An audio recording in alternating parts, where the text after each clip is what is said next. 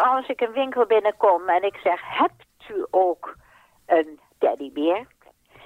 Dan is het niet hebt u, zei deze mevrouw, maar het is heeft u ook een teddybeer? En toen ben ik dat aan allerlei mensen gaan vragen. Het mag namelijk allebei. Hier is Hanengekraai door Luc Drosten met Elisabeth Bierens de Haan.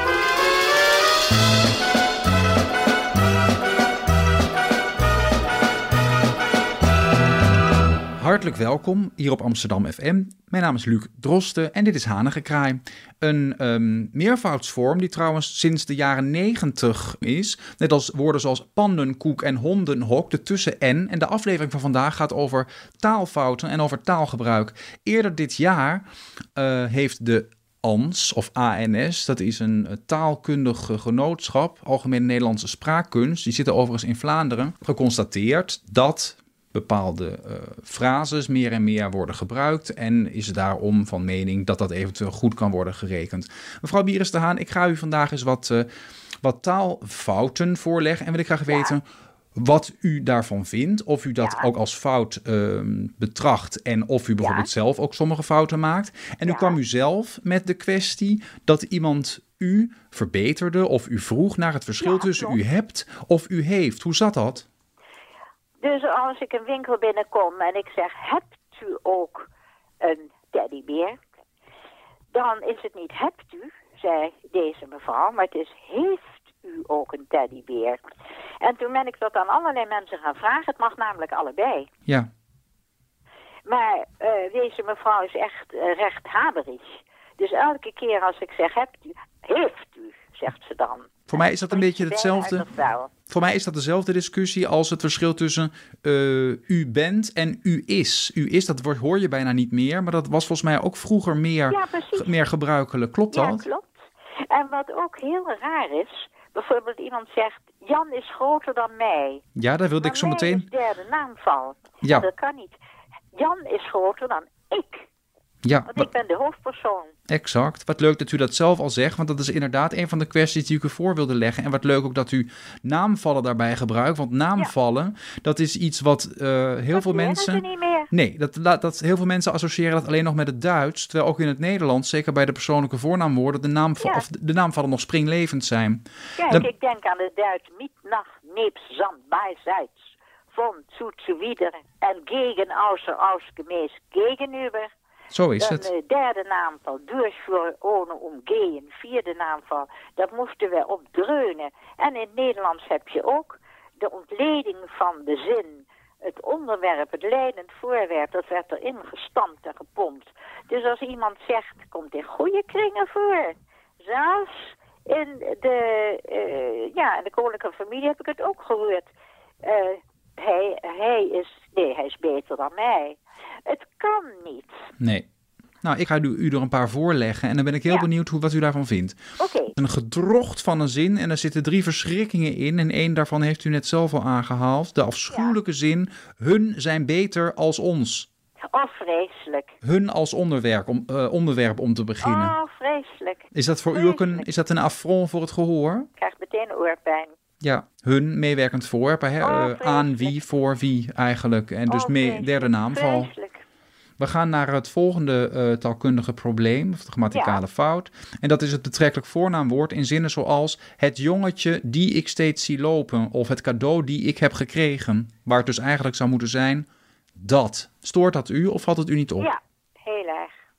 En uh, vindt u dat dan erger of minder erg of even erg als die naamvals? Ik vind het uh, dat je hoort dat de jonge generatie slecht onderwijs krijgt. En dat althans slecht onderwijs, kijk, ik moet niet generaliseren, maar op het Nederlandse gebied, taalkundig gebied, en ik zie nog alles wat schriften en dingen, denk ik, daar klopt niks van.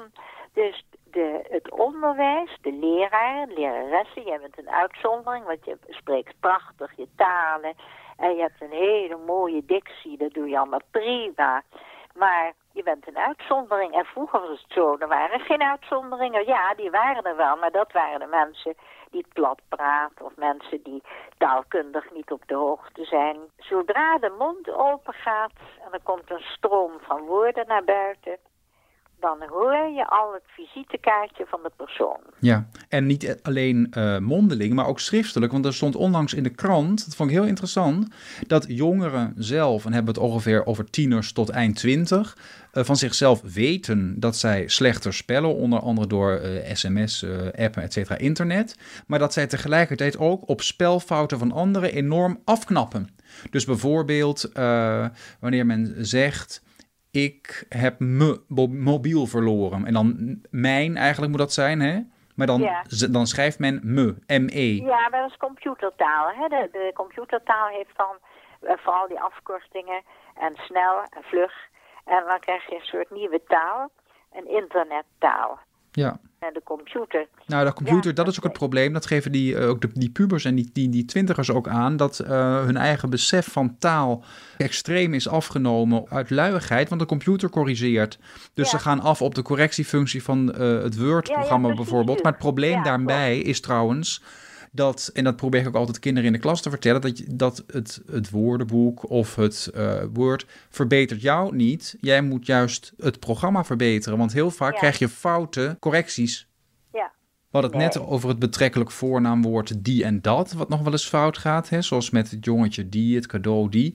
maar je hebt ook een ander groot, uh, een draak bij het gebruik van het betrekkelijk voornaamwoord, wat je vooral heel veel, vind ik, schriftelijk uh, leest. En dat zijn zinnen zoals een slot welke voldoet aan de laatste veiligheidseisen. Dat voldoet. Exact, precies. Dus het, het, het een beetje uh, het hypercorrectie. Ja, dat is te deftig. Er is iemand die wil het super deftig doen en daardoor is het dus helemaal niet deftig. Nou, en het is ook fout.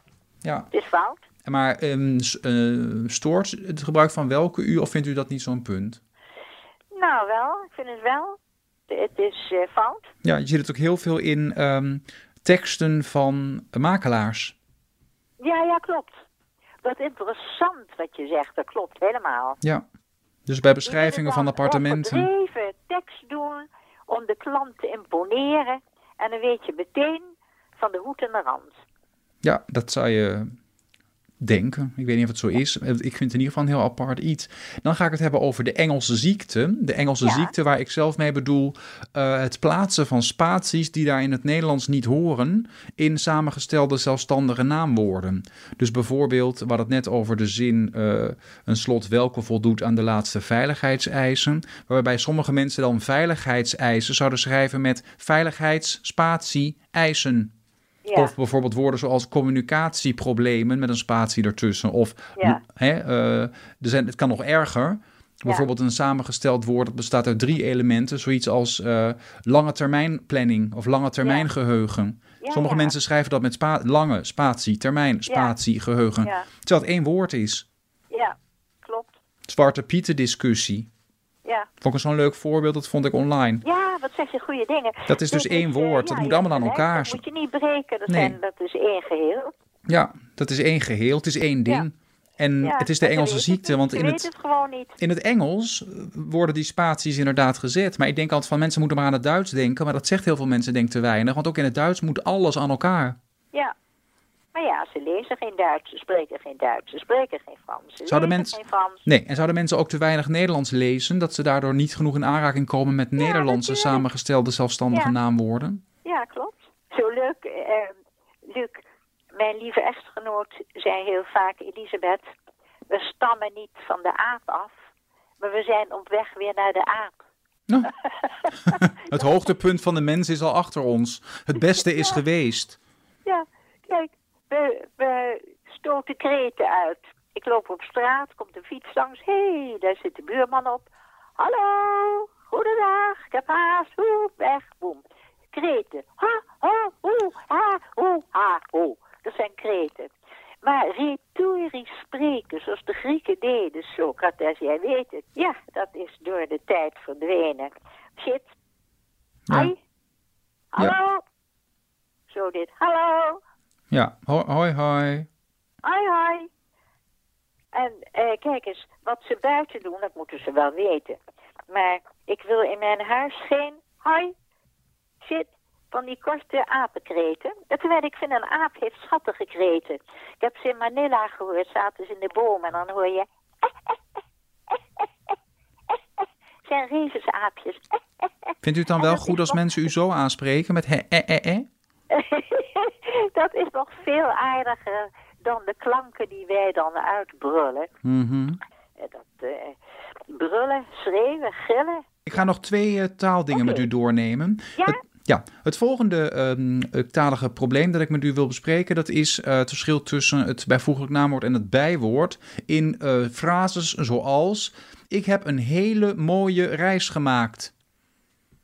Weet u waar ik op doel? Denken. Ik heb een hele mooie reis gemaakt. Het is namelijk het verschil met ik heb een heel mooie reis gemaakt.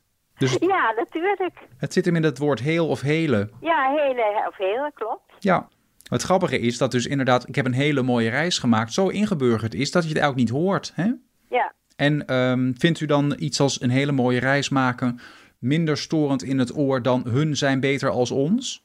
Ja, dat vind ik verschrikkelijk. Ja. Het grappige is dus eigenlijk dat, ehm, ondanks het feit dat het allebei niet correct is, dat het ene toch veel fouter klinkt dan het ander. Heeft u daar Ja. een verklaring voor? Het ene is wat jonger. Misschien dat mensen gewoon bij dingen die nog minder lang gebeuren, of die vanuit uh, die Ja, van, van dat- onderuit precies, Dan komen. wennen ze eraan en ja. Ja. Eén laatste ding nog, vind ik wel een interessante kwestie. En dat is de kwestie van de dubbele ontkenning. Dus zinnen zoals, hij heeft nooit geen zin. Wat vindt u daarvan? Hij heeft nooit geen zin. Hij heeft geen zin. Ja, of hij heeft nooit zin. Hij heeft nooit zin. En dan zeg ik, hij heeft nooit Dus geen zin. Precies. Ervaart u dat als fout? Ja. Hij doet nooit niks. Dat soort zinnen. Ja, ook onzin. Ja. Hij doet niks. Ja, of hij doet Het is nooit. een cirkel, hij doet niks. Hij doet nooit iets. Eigenlijk, hè? In plaats van Ja. hij doet, nooit niks. Een geweldige sukkel is het. Ja, ik.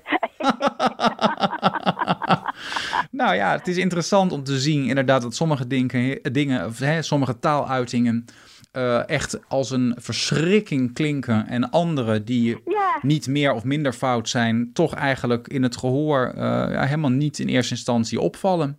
ja, Dat is een, dat is een leuke constatering. Vind ik ook leuk Ja, dat dat klopt. bij u ook eh, per zin eigenlijk verschilt. Ja, Nou, eh, mevrouw Wierenstaan, we hebben weer inzicht gekregen in uw eh, visie op, op taal. En eh, ja, ik dank u wederom voor uw inzichten en zie alweer uit naar ons volgende gesprek met uw verzorgde dictie, waarin wij weer een ander onderwerp gaan aansnijden. Dus tot volgende keer.